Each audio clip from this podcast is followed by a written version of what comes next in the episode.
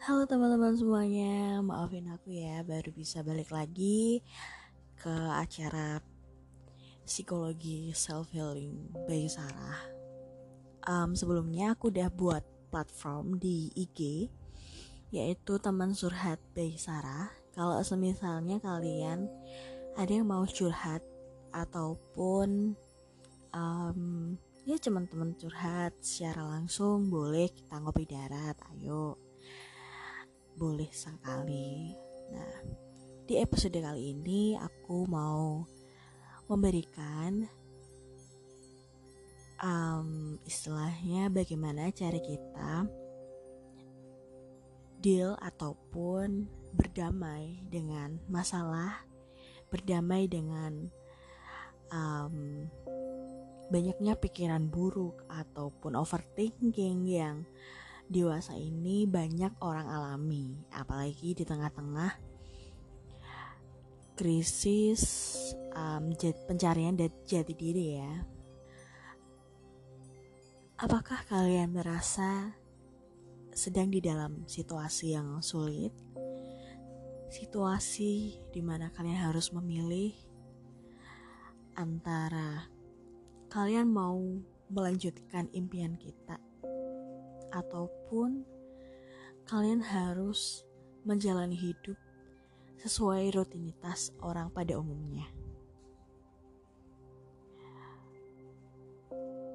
Banyak teman-teman yang konsul ke saya mengatakan bahwa aku harus bagaimana. Di sisi lain, aku punya impian. Namun, Ruang gerakku terlalu sempit. Aku tidak bisa melihat ke arah mana pun, seperti bayi yang baru terlahir di dunia ini.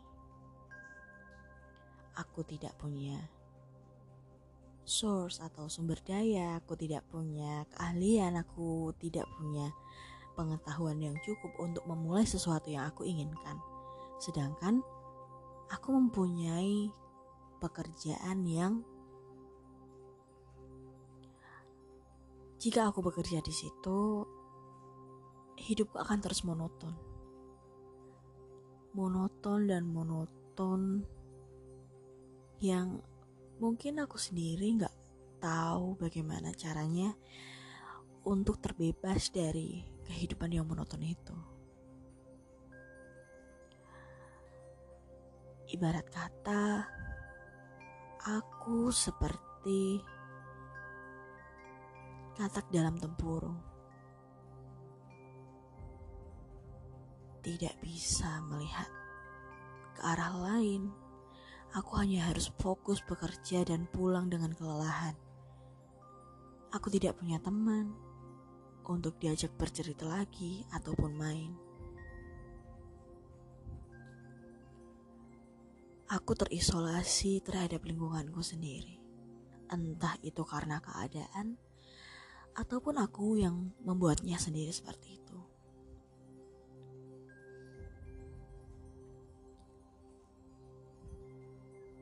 Bagaimana caranya aku untuk terbebas dari rasa lelahku ini?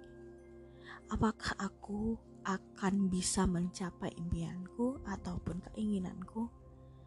Atau aku harus terus terperangkap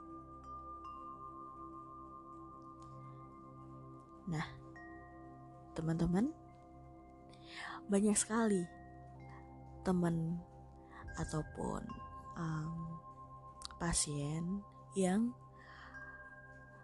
curhat seperti itu. Aku harus gimana? Aku harus seperti apa?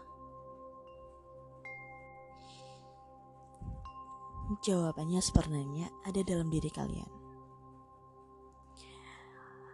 Yang perlu kita sadari bahwa setiap manusia yang hidup di dunia ini mempunyai kualitas yang sama, mempunyai bakat yang sama, ataupun dasar bakat atau change yang sama, atau kesempatan yang sama. Hanya saja, bisakah manusia itu melihat pintu mana yang tepat untuk dia melangkah.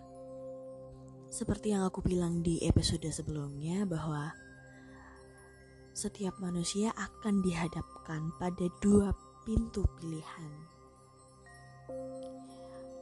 Yang satu akan mempunyai masa depan yang lain dan satunya akan mempunyai masa depan yang lain pula.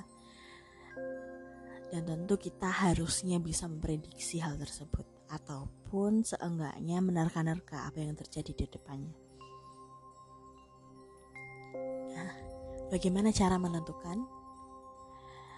Sebenarnya meraih impian yang kita inginkan tidak ada yang tidak mudah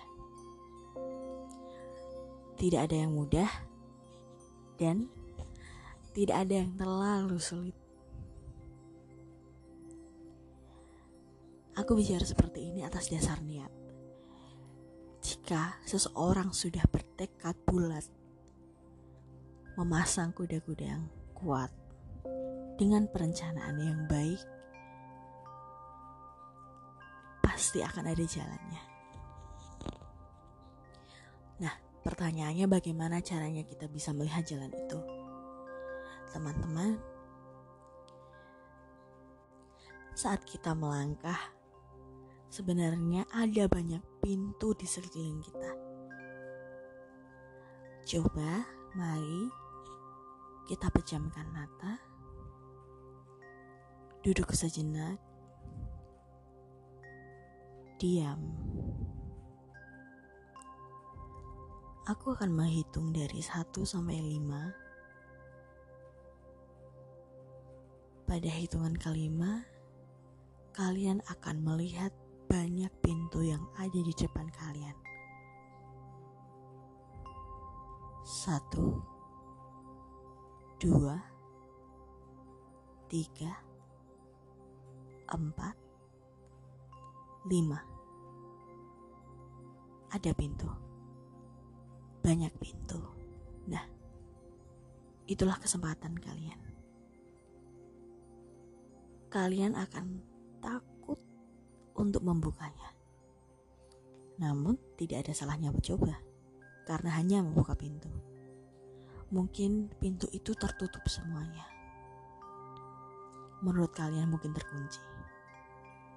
Padahal pintu itu hanya menunggu untuk dibuka mereka tidak terkunci. Seperti itulah kesempatan. Kesempatan tidak akan datang pada orang yang menunggu, namun pada orang yang bertindak untuk mencobanya. Kalian harus berani untuk berdiri, berjalan, dan membuka engsel pintu itu dan melihat ke dalamnya. Kalian harus bisa memprediksi pilihan yang akan kalian ambil. Kalian harus bisa merencanakan pilihan yang akan kalian ambil. Kalaupun semisalnya kalian masih di dalam kondisi yang monoton, di dalam kondisi itu pasti ada waktu-waktu tertentu untuk meluangkan waktu untuk meresearch tentang hal yang akan kalian lakukan di ke depannya ataupun yang berkaitan dengan impian kalian. Susun rencana dalam buku, baik apa saja goal-goal yang akan kalian capai untuk menuju impian kalian. Bagaimana caranya kalian mendapat uang tambahan, Dengarkan cerita-cerita orang lain tentang bagaimana kesuksesan dapat diraih. Lakukan cara-cara tersebut. Kalian pasti akan melihat cahaya yang begitu terang, tanda bahwa kalian sudah berhasil.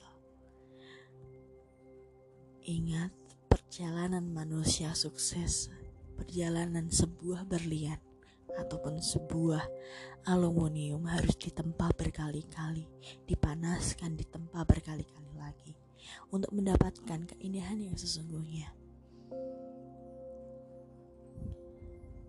Memang dalam kehidupan monoton kalian akan aman. Cuman hidup yang tidak dipertaruhkan hanya akan seperti itu saja. Hidup ini tentang bagaimana caranya kita bahagia, bagaimana caranya kita tidak menyakiti orang lain, ataupun bagaimana caranya kita berguna untuk orang lain. Jika kalian menjalani kehidupan monoton yang tidak bahagia, ataupun kehidupan yang monoton, tapi kalian kehilangan jati diri kalian, apakah kalian akan seperti itu hingga kalian tua? Kalian bukan tidak punya pilihan, hanya kalian tidak bisa memilih pilihan yang benar ataupun tidak bisa melihat ke arah yang benar.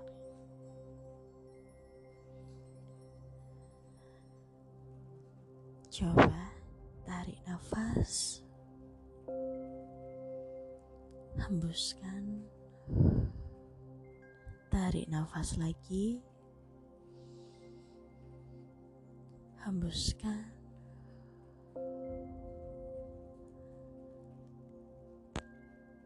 Letakkan tangan kalian di dada kalian.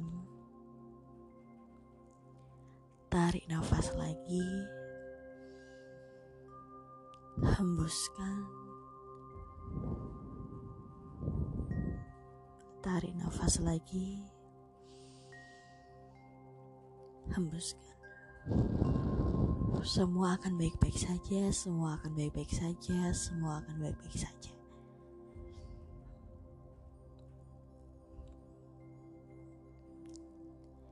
Begitulah cara menenangkan diri. Saat kalian bingung, saat kalian putus asa, coba tenangkan diri dulu. Lalu kalian bisa memulai untuk merencanakan masa depan kalian, merencanakan kehidupan yang lebih baik. Sampai di sini dulu. Salam dari aku, Sarah. Kita akan berjumpa lagi di beberapa hari ke depan ataupun berjumpa langsung dengan tatap muka. Bisa. Sampai jumpa.